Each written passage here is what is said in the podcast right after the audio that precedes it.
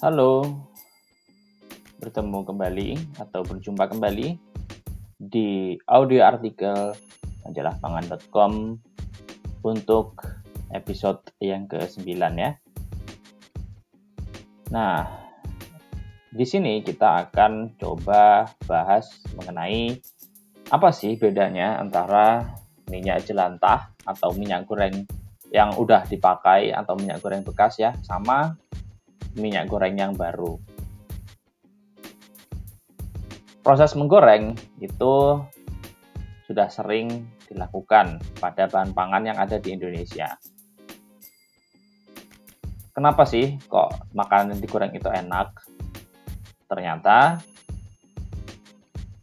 makanan yang digoreng itu akan menghasilkan tekstur yang renyah dan rasa yang lebih gurih. Proses penggorengan itu melibatkan yang namanya medium atau zat perantara untuk menggoreng. Di Indonesia paling sering menggunakan minyak sayur ya, yang berasal dari minyak kelapa sawit. Nah, biasanya itu bisa digunakan satu kali, dua kali, tiga kali ya minyak tersebut untuk menggoreng. Nah, ketika ketika sudah digunakan berkali-kali, maka akan terjadi perubahan tuh pada jelantahnya. Hmm, mulai dari warna yang akan menjadi semakin gelap, kemudian teks apa namanya kentalannya akan meningkat dan juga aromanya yang berubah jika dibandingkan dengan minyak goreng yang masih baru.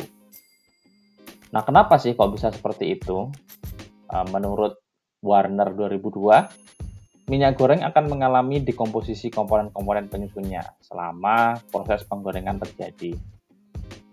Nah, produk dari dekomposisi ini itu sifatnya bisa volatil atau mudah menguap atau mudah tercium aromanya dan juga ada yang non volatil. Tadi kalau non volatil itu akan menyebabkan perubahan kekentalan dan warna pada minyak. Sedangkan kalau yang volatil sudah pasti menyebabkan perubahan bau atau aroma.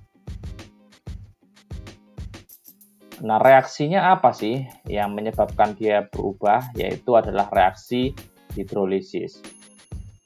Hidro itu kan berasal dari kata air ya. Setiap bahan pangan yang digoreng pasti mengandung air atau kadar air, baik dalam bentuk cair maupun uap.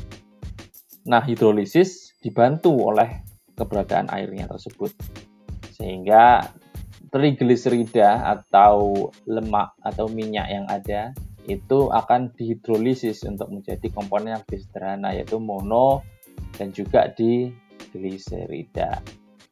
Nah, reaksi ini berulang-ulang terus berlanjut sampai jadi asam lemak dan gliserol. Nah, setelah terbentuk asam lemak bebas ya, hasil dari reaksi hidrolisis yang terakhir, maka kestabilan minyak akan berkurang.